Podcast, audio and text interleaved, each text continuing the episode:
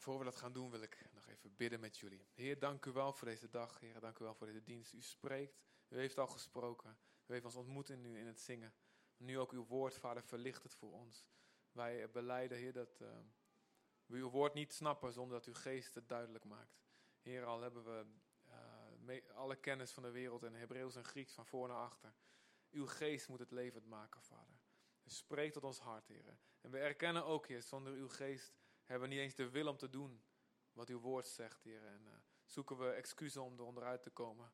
Maar hier zijn we, we openen ons hart, we geven ons volledig. Heer, laat uw woord alles doen wat het bedoeld is, heeft om te doen vandaag. Laat het een zwaard van de geest zijn die de diepste dingen van ons hart blootlegt en op de juiste plek zet. In Jezus' naam. Amen. Amen. Ja. Oh, iedereen wil van zijn geld af. Uh, kunnen we ook na zullen we dat na de preek doen? Ja, de, de, daarna. Ja, goed. Een kerk die me herinnert aan de collect. Dat is heel goed. um, hey, mooi is die. Goed zo. Nummer 32 vanaf vers 1. De Rubenieten en de Gadieten bezaten bijzonder veel vee.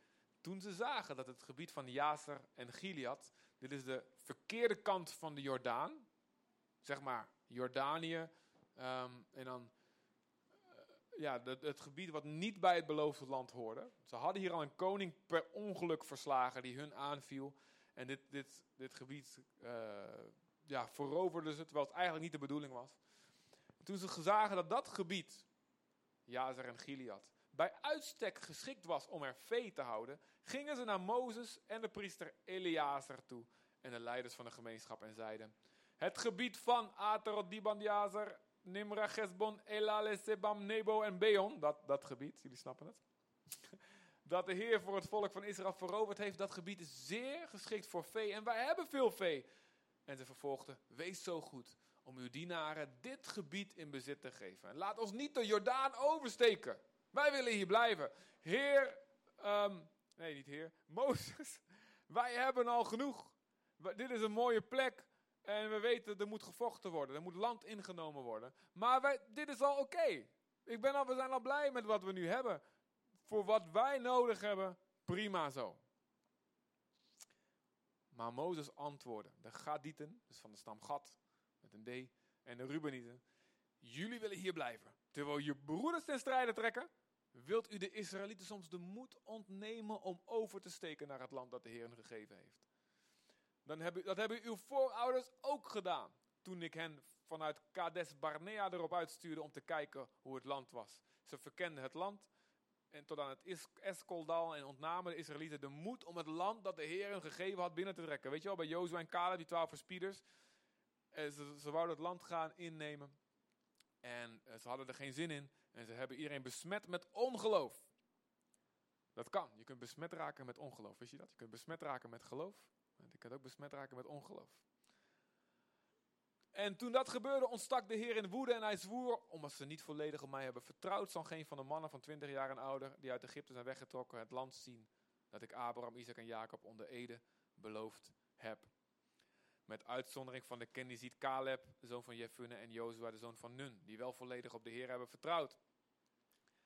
De woede van de Heer was zo hevig dat hij de Israëlieten 40 jaar in de woestijn liet rondzwerven tot die hele generatie gestorven was. En wilt u nu precies hetzelfde doen als uw zondige voorouders en zo de woede van de Heer tegen Israël nog aanwakkeren? Als u zich van hem afwendt, zal hij hen nog langer in de woestijn laten en zult u dit hele volk in het verderf storten. Maar zij antwoorden, dichterbij komende. We willen hier schaapskooien bouwen voor ons vee en steden voor onze kinderen. Dan kunnen onze kinderen in de vestingsteden wonen, veilig voor de inwoners van het land. En dan zullen wij zelf ons wapenen en voor de andere Israëlieten uittrekken, totdat we hen op de plaats van hun bestemming hebben gebracht.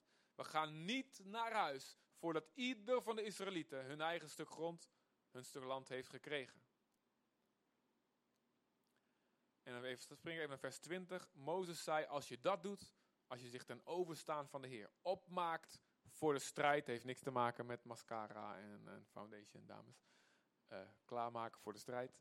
En als al uw weerbare mannen voor de Heer de Jordaan overtrekken en niet terugkeren voordat de Heer zijn vijanden verdreven heeft en het land aan hem onderworpen is, dan zult u volledig van uw plicht tegenover de Heer en Israël zich daarvan gekweten hebben. Oftewel heb je je plicht gedaan. En dan wordt dit gebied ten overstaan van de Heer, uw eigendom. Maar doet u het niet, dan zondigt u tegen de Heer.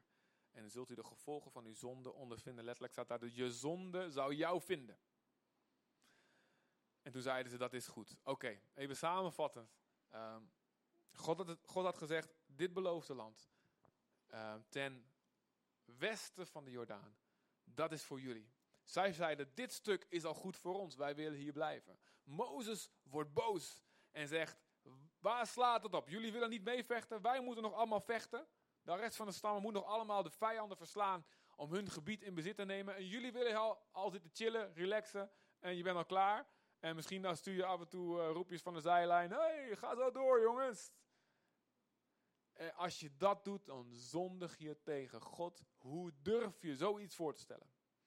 En dan staat er, het kan zijn dat het, al, dat het dan hun, hun idee was van tevoren. Dat ze dat nog niet helemaal hadden uitgelegd aan Mozes. Het kan zijn dat ze even de tijd namen en overlegden en hun plan gingen aanpassen. Zeiden oké. Maar hun antwoord was, wij zullen niet rusten totdat iedereen zijn land in bezit genomen heeft. Wij zullen vooraan gaan, in de frontlinie vechten. Alsof het ons om ons eigen stuk grond ging. Meer dan dat. En we zullen niet terugkeren totdat iedere stam zijn gebied ingenomen heeft.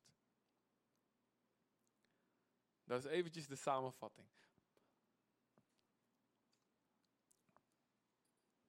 Ik, uh, ik heb vaak, ja, ik denk dat jullie, dat jullie bekend zijn met het idee, het beloofde land van toen, het slaat voor, het slaat voor ons op de plannen die God voor ons heeft, de bestemming die God voor ons heeft, de lijn van ons leven die Hij wil dat we volgen.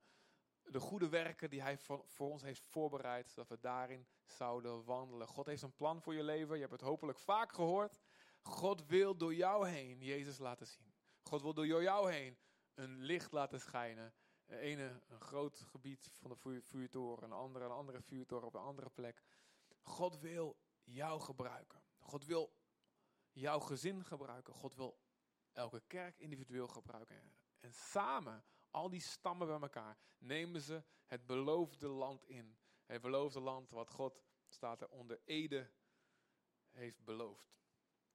Dus de topografen onder ons die weten, dat is dus Wageningen. Of Bennekom, wat ligt daar onder Ede. Het beloofde land. Um, God wil dat we dat innemen. En ik, ja, er moet gevochten worden voor dat beloofde land. Het is niet leeg. Het is niet zo van, nou, het is gewoon even een kwestie van uh, wat bomen kappen, je tentje opzetten en klaar. Er zitten vijanden in. En voor ons in deze tijd, onder het nieuwe verbond, betekent dat Satan houdt bezet wat God wil innemen door ons heen. Wij zijn gekomen, zoals, wij zijn gekomen om Jezus na te volgen. Jezus is gekomen om de werken van de duivel te verbreken. Jij bent opnieuw geboren. Niet alleen om je tijd uit te zitten tot je de hemel komt. Maar om de werken van, het, van Satan hier op aarde, in deze tijd, aan deze kant van de eeuwigheid, te verbreken. Het zal niet in een rechte lijn naar boven gaan met alleen maar victorie en overwinning. Het zal gaan door gebrokenheid via een omweg. Misschien wel door sterven in het kruis zoals Jezus. Maar uiteindelijk als je volhoudt, als je vasthoudt, als je je vastbijt als een hond. Dat betekent het Caleb, betekent hond, die beet zich vast in de belofte van God. Ja, je vasthoudt. Vorige week ook over gesproken hebben. God gaat door jou heen het, het beloofde land innemen. En als iedereen het doet op zijn eigen plek, neemt het hele volk in wat God gepland heeft. Groeit het volk van God tot zijn maximale grenzen. En als dat gebeurt, dan staat, zegt God, mijn licht zal reiken tot aan het einde van de aarde. Omdat de eerste twaalf, de eerste 120 dat deden, hun land innamen, verspreidde het evangelie zich tot overal, totdat wij hier in een of ander klein eilandje erover spreken. En God wil dat ook wil dat doen in elke generatie. Als er maar in ons dat vuur brandt om dat beloofde land in bezit te nemen en zeggen: wij nemen geen genoegen met iets minder dan de totale overwinning. Amen. Nou kan het zo zijn. Nou kan het zo zijn dat jij al best wel veel hebt ingenomen van je land. Dat het best oké met je gaat. Dat je best wel wat zonde overwonnen hebt. Dat je best wel wat karakterdingen ontwikkeld hebt. Dat je al best wel wat ontmoetingen met God gehad hebt. Dat je geestelijk een heel groot stuk van jouw land al hebt ingenomen. Zoveel dat je denkt, nou ik kan hier eigenlijk al rustig wonen. Het gaat goed. Ik weet mijn leven te leiden als christen. Ik weet heilig te leven. Ik weet met God te communiceren. Het kan zijn dat je op, misschien op dat gebied nog veel ontbreekt. Maar dat je op een ander gebied het heel goed hebt. Je hebt veel vriendschappen, relaties. Je hebt veel geld en middelen, uh, materieel. Je hebt veel um, verstand van zaken. We hebben allemaal op een bepaald gebied meer dan een ander, waar een ander minder van heeft. En op één gebied waar jij weer minder van heeft, daar is weer iemand anders die meer heeft dan jij op dat gebied. En in dit verhaal zien we heel duidelijk de kracht van samen kerk zijn, de kracht van samen koninkrijk zijn en hoe we elkaar nodig hebben. En Mozes die, die, die hoort dit, dit verzoek en die wordt ontzettend boos omdat hij het eerder meegemaakt heeft dat ehm, dat het fout gaat. Maar ook om iets anders. In Hebreeën, daar staat in Hebreeën 11, daar staat over Mozes zelf hoe hij opgroeit in Egypte. En hoe hij daar alles heeft. In Hebreeën 11 vers 24 staat door zijn geloof, door Mozes geloof, weigerde Mozes toen hij volwassen werd aangesproken te worden als een zoon van een dochter van de farao. Weet je wat? Weet je nog? Hij was gepikt, opgepikt uit de rivier. Opgevist. En geadopteerd door de uh, farao's, farao's dochter. En groeide op aan het hof. Was, uh, staat in uh, Flavius Josephus, een Jozef geschiedschrijver, staat dat hij een generaal was zelfs in het Egyptische leger. Dat hij het leger leidde een grote overwinning op de Ethiopiërs.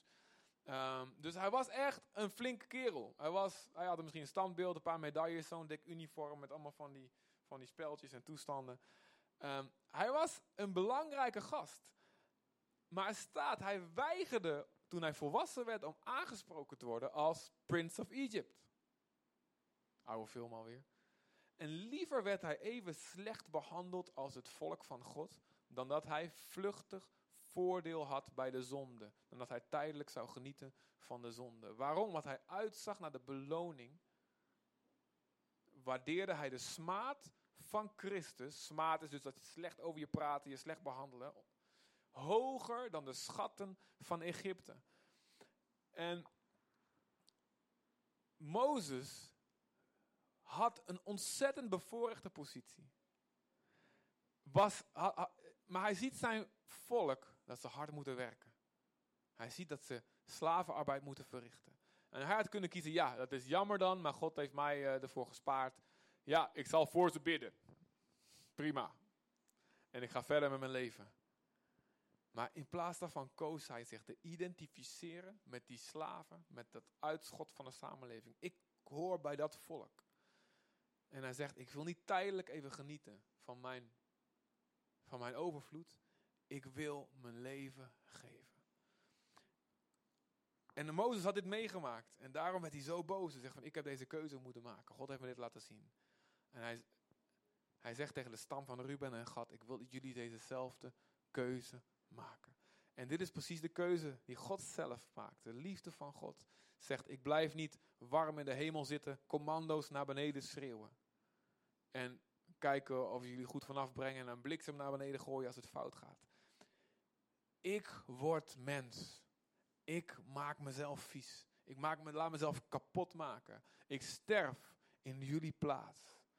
Gods liefde is liefde die de voorrechten achter zich laat. Die de goede positie achter zich laat. Hij zegt, ik offer het goede op wat ik heb. Omdat ik iets wil zien veranderen in de mensen die dit niet hebben. En ik geloof dat God de kerk oproept. En met name de westerse kerk tot uh, deze houding. We zeggen uh, meer Jezus in meer mensen, ja toch? Dat is de missie voor deze kerk en gewoon een manier om te zeggen wat de missie is voor elke kerk wereldwijd. Meer Jezus, kwaliteit, meer van Jezus karakter in meer mensen, kwantiteit. Is niet het een of het ander, maar allebei. Meer Jezus betekent meer liefde, ja toch? Jezus is liefde. Dus als wij zeggen, ik wil meer Jezus, dan zeggen wij we willen meer liefde. Maar liefde. Eh, er is een oud, heel oud liedje. Ik ehm, was, ben nog net oud genoeg om dat als kind te hebben gehoord op de radio. Echt van die, weet je, van die tijd dat van die hardrockers zulke lange haar hadden, zoals onze Alejandro, weet je. Ken je die Bon Jovi, weet je wie er nog, Bon Jovi toen hij nog lang haar had? Wie, is nog oud genoeg? Bon Jovi? Ja? Ja, oh man, alleen maar een paar. Die gasten die echt met die hele hoge stemmen van die gitaar. Die hele blonde lange haren. Nee, niemand? Oké. Ik moet echt nieuwe voorbeelden gaan verzinnen. Met moderne muziek. Goed, ik was kind en toen hoorde ik dat. En er was één liedje en dat ging zo. Love hurts. Ik dacht, nou, wat een depressief liedje. En uh, als iemand echt een negatieve ervaring heeft gehad. En natuurlijk gaat het over een of andere vrouw die hem heeft verlaten en toestanden en moeilijk. Maar eigenlijk is de liefde die God heeft. En de liefde die God wil dat wij hebben. Wel een liefde die pijn doet. Als God geen mens had gemaakt, maar gewoon onderling was gebleven, met de drie eenheid, met de engelen, geen probleem. Ja toch? Geen pijn. Er staat in de Bijbel dat God pijn heeft. Wist je dat? Het, toen de mensen zondigden in Genesis 6, er staat het, het sneed hem dwars door zijn hart. God stelde zich open voor pijn die hem snijdt in zijn hart door mensen te maken. Waarom? Omdat hij liefde, liefde is.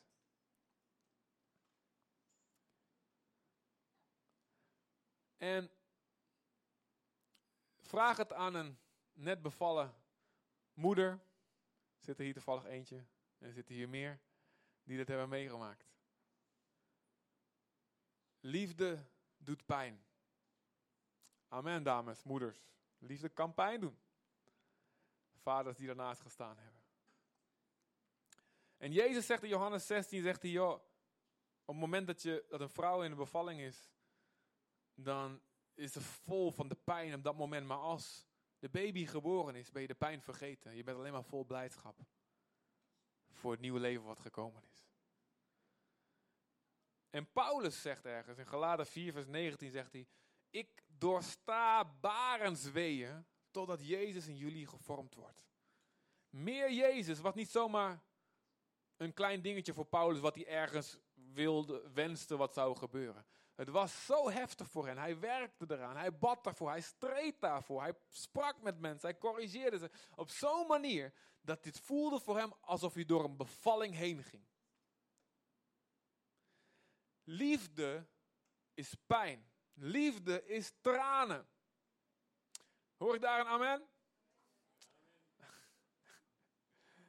Het is niet leuk en we willen het niet. Maar het is de enige manier.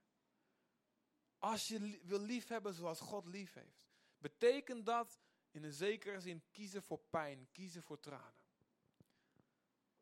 Jezus huilde over Jeruzalem. Toen, en hij, huilde, want hij, en hij, waarom? Hij zag, jullie, de kans om gered te worden is nu, maar jullie ogen zijn dicht, jullie zien het niet. De pijn van God stroomde in vorm van tranen over zijn wangen. Paulus schrijft in Filippenzen, oh, onder tranen schrijf ik dit. Zoveel mensen die zich christen noemen wandelen als vijanden van het kruis. In Handelingen 20 zegt hij tegen de oudste die die achterlaat in Efeze, zegt hij, ik heb niet opgehouden om jullie dag en nacht onder tranen te corrigeren, terecht te wijzen. Niet zoiets van, nou eh, jongens, uh, dit moet je doen, dat moet je niet doen. Als je het niet doet, dat is jouw probleem. Ja, dan heb ik het gezegd, oké? Oké, klaar. Hij doet nee, geen professionele afstand.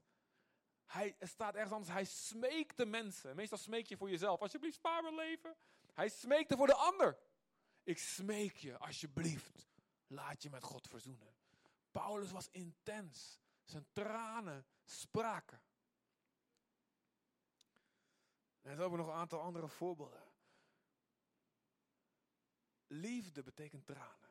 God roept ons op om meer tranen te huilen. Ik zal nooit vergeten een bepaald moment dat ik weet iemand die zo bewust de weg van Jezus afwees. En zo tegen de keer ging. En de diepe verdriet wat ik voelde, daar in die koffietent waar we zaten.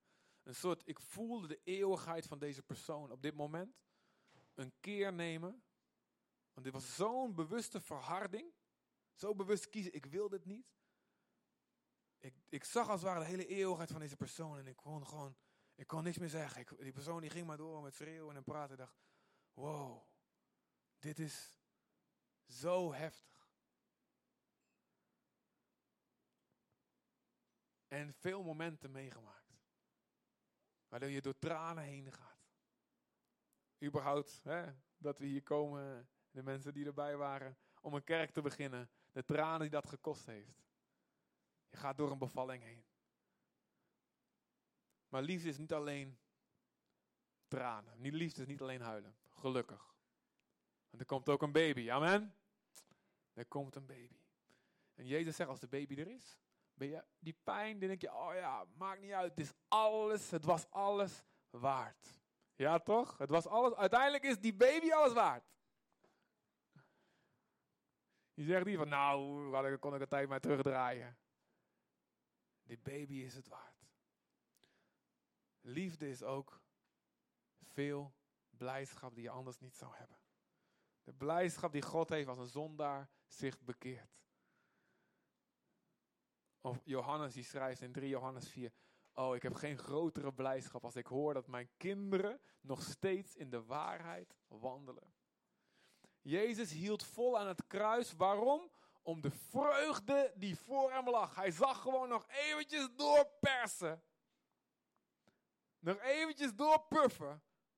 En daar komen niet één, niet, komt niet één baby. Daar komen miljarden baby's die zonder dit offer niet vergeven kunnen worden.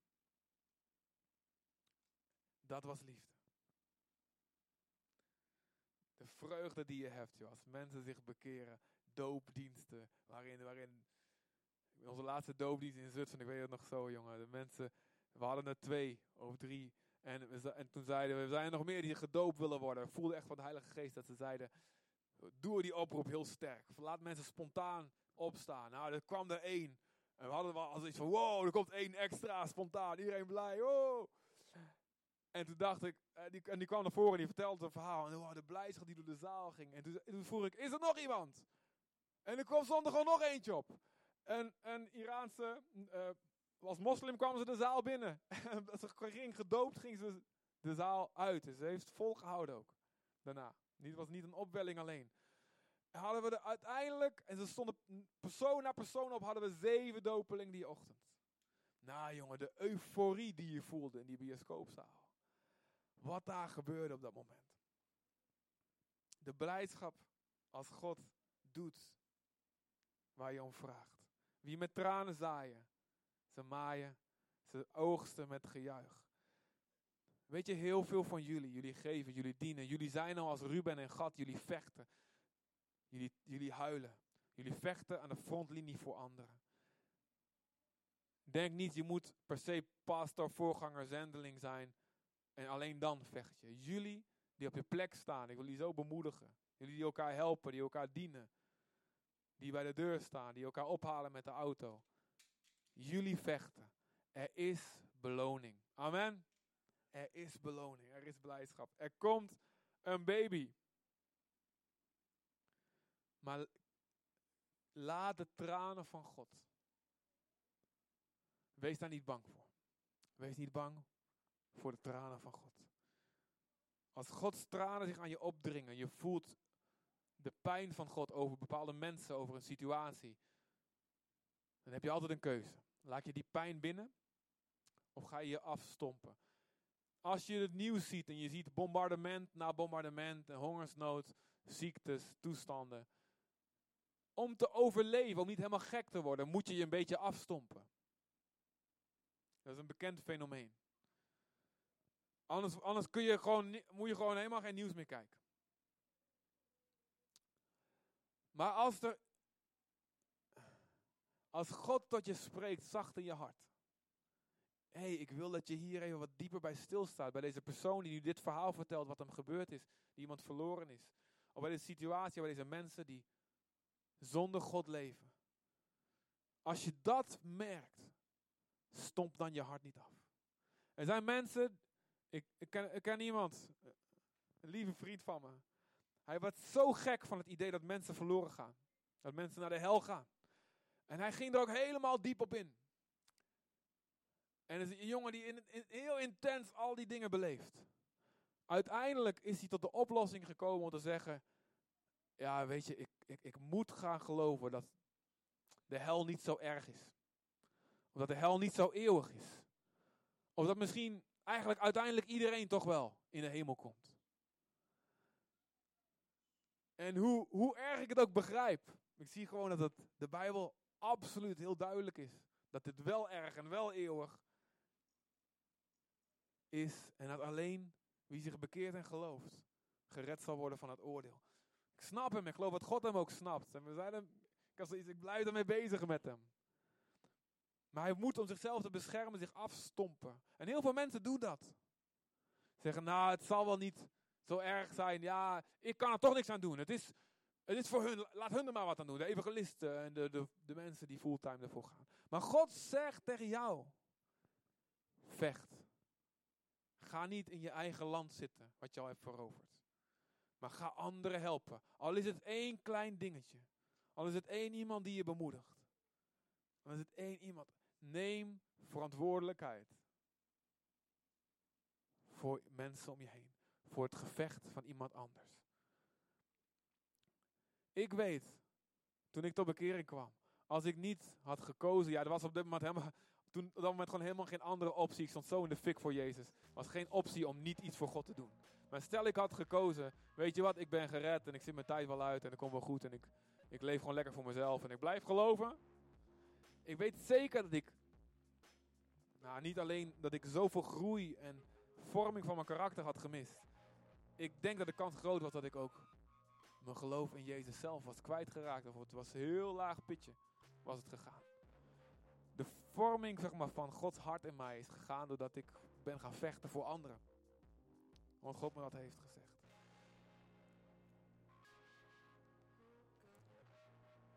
Misschien ben je in een fase dat je zegt van, joh, vechten voor anderen. Ik heb zo'n heftige strijd nou. Ik heb al genoeg aan mezelf. Hé, er is absoluut een tijd in je leven dat God zegt, zoals hij zei tegen de kerk in openbaring. Ik leg je geen andere last op. Hou gewoon vast wat je hebt, het is goed zo. Als je door een heftige tijd gaat. Weet dat God daar rekening mee houdt. Maar voor de rest van ons, de meeste van ons, we hebben allemaal iets te geven. We hebben allemaal iets waarmee we kunnen vechten. Ben jij geestelijk niet zo ver, dan kan je misschien financieel helpen. Ben jij financieel niet zo ver, dan kan je misschien helpen met je tijd. Ben jij, heb je helemaal geen tijd, dan kan je misschien gewoon iets anders verzinnen. Iedereen kan wat, amen? En zo helpen we elkaar. Zo helpen we elkaar. Mag je dan helemaal niet genieten? Mag je dan helemaal niet genieten van de goede wat God je geeft? Oh, absoluut. Zeker als je meevecht. Het leger heeft jou fit nodig. Moet je gewoon uitrusten. Ja, prediker 10 vers 10. Als je de hele tijd doorgaat met hakken met je bijl, dan wordt het bot. Af en toe moet je hem slijpen. Nou, je mag dus lekker uitrusten om je bijl te slijpen. Amen. Ik ga het ook zo doen. Zondag is altijd, ik bedoel, zeker als je en het muziek doet en de preek en alles eromheen en je kinderen. Nou, dan kom je helemaal back af, kom je thuis. We hebben z'n tweeën ook wel. En heb ik twee vrienden die thuis op me wachten vandaag. Weet je welke vrienden die dat zijn? De eerste heet Ben en de tweede heet Jerry. Zitten in de vriezer om mij te wachten. Yes! Ga ik lekker genieten, ga ik mijn bijl slijpen. Heel goed, kom maar op. Absoluut mag je genieten van het goede wat God je geeft. Als je voorop gaat in de strijd. Gaat God goed voor je zorgen. Maar het gevaar van veel hebben is wel, en daarom zegt Jezus dat ding over die kameel in het oog van een naald. Het is moeilijk voor een rijk om gered te worden. En wee u, ga je rijken, zegt hij. Waarom? De verleiding is om voor jezelf te gaan leven. Om te zeggen, ik heb het goed. Laat de rest maar uh, in de zonsvloed omkomen. Ik zit in de ark. God zegt, wil jij kiezen voor de tranen? Er komt een baby, absoluut. Maar wil jij kiezen voor bevallingspijn, voor mensen om je heen? Zoals Jezus de beker moest kiezen. Hij zegt, als u het liever niet, heer, die beker, absoluut niet. Maar als dit de enige weg is, Ik kies die beker. Ik drink het op. Het is niet voor mij bedoeld, de beker van dit oordeel. Maar ik drink het op. Wil jij op je, eigen kleine versie Jezus navolgen? Zullen we onze ogen sluiten?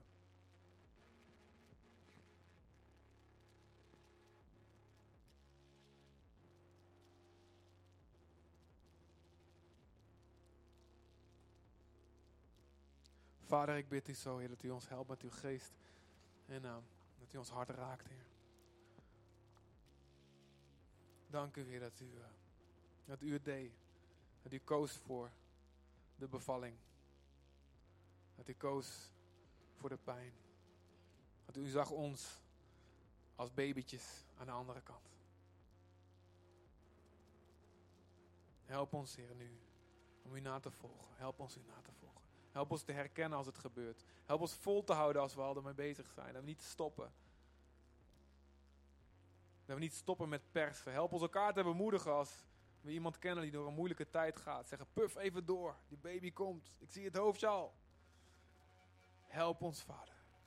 Versterk ons. Help ons ons beloofde land in te nemen. Laat ons die generatie zijn. Heer, die het koninkrijk zo ver verspreidt dat u terug kan komen. En dat de oogst is binnengehaald. Oh, willen we je branden we voor, Vader. Help ons, Vader. En help ons elke dag te kiezen. Te leven als Jezus. Onszelf te verlogen. En niet aan ons leven vast te houden. Maar het met liefde te verliezen om uw wil. Help ons, Vader. Uw tranen te huilen, bewogen te zijn zodat die blijdschap ook ten volle over ons komt. Niet eventjes, maar voor eeuwig. Dank u, Vader. Ik wil uh, je straks vragen iets te doen. Als je lang, vaker hier komt, je weet, ik doe niet vaak een oproep. Vandaag wel, maar een beetje een bijzondere. Niet zoals normaal. Ik wil je vragen gewoon als jij Als jij die keuze wil maken, te kiezen voor, als het nodig is, te kiezen voor Gods tranen, te kiezen voor liefde en daarmee ook voor pijn. Dan wil ik je vragen om straks gewoon, over een paar tellen, uit je stoelen te komen. En hier het kruis gewoon even vast te pakken. Je mag hier lang blijven staan, je mag ook gewoon eventjes het aanraken. En dan weer teruglopen. Je mag het voor jezelf weten. Maar soms helpt zo'n tastbare moment. Het is niet zo dat dan bij God iets magisch gebeurt, want hij ziet je hart. Maar het helpt onszelf.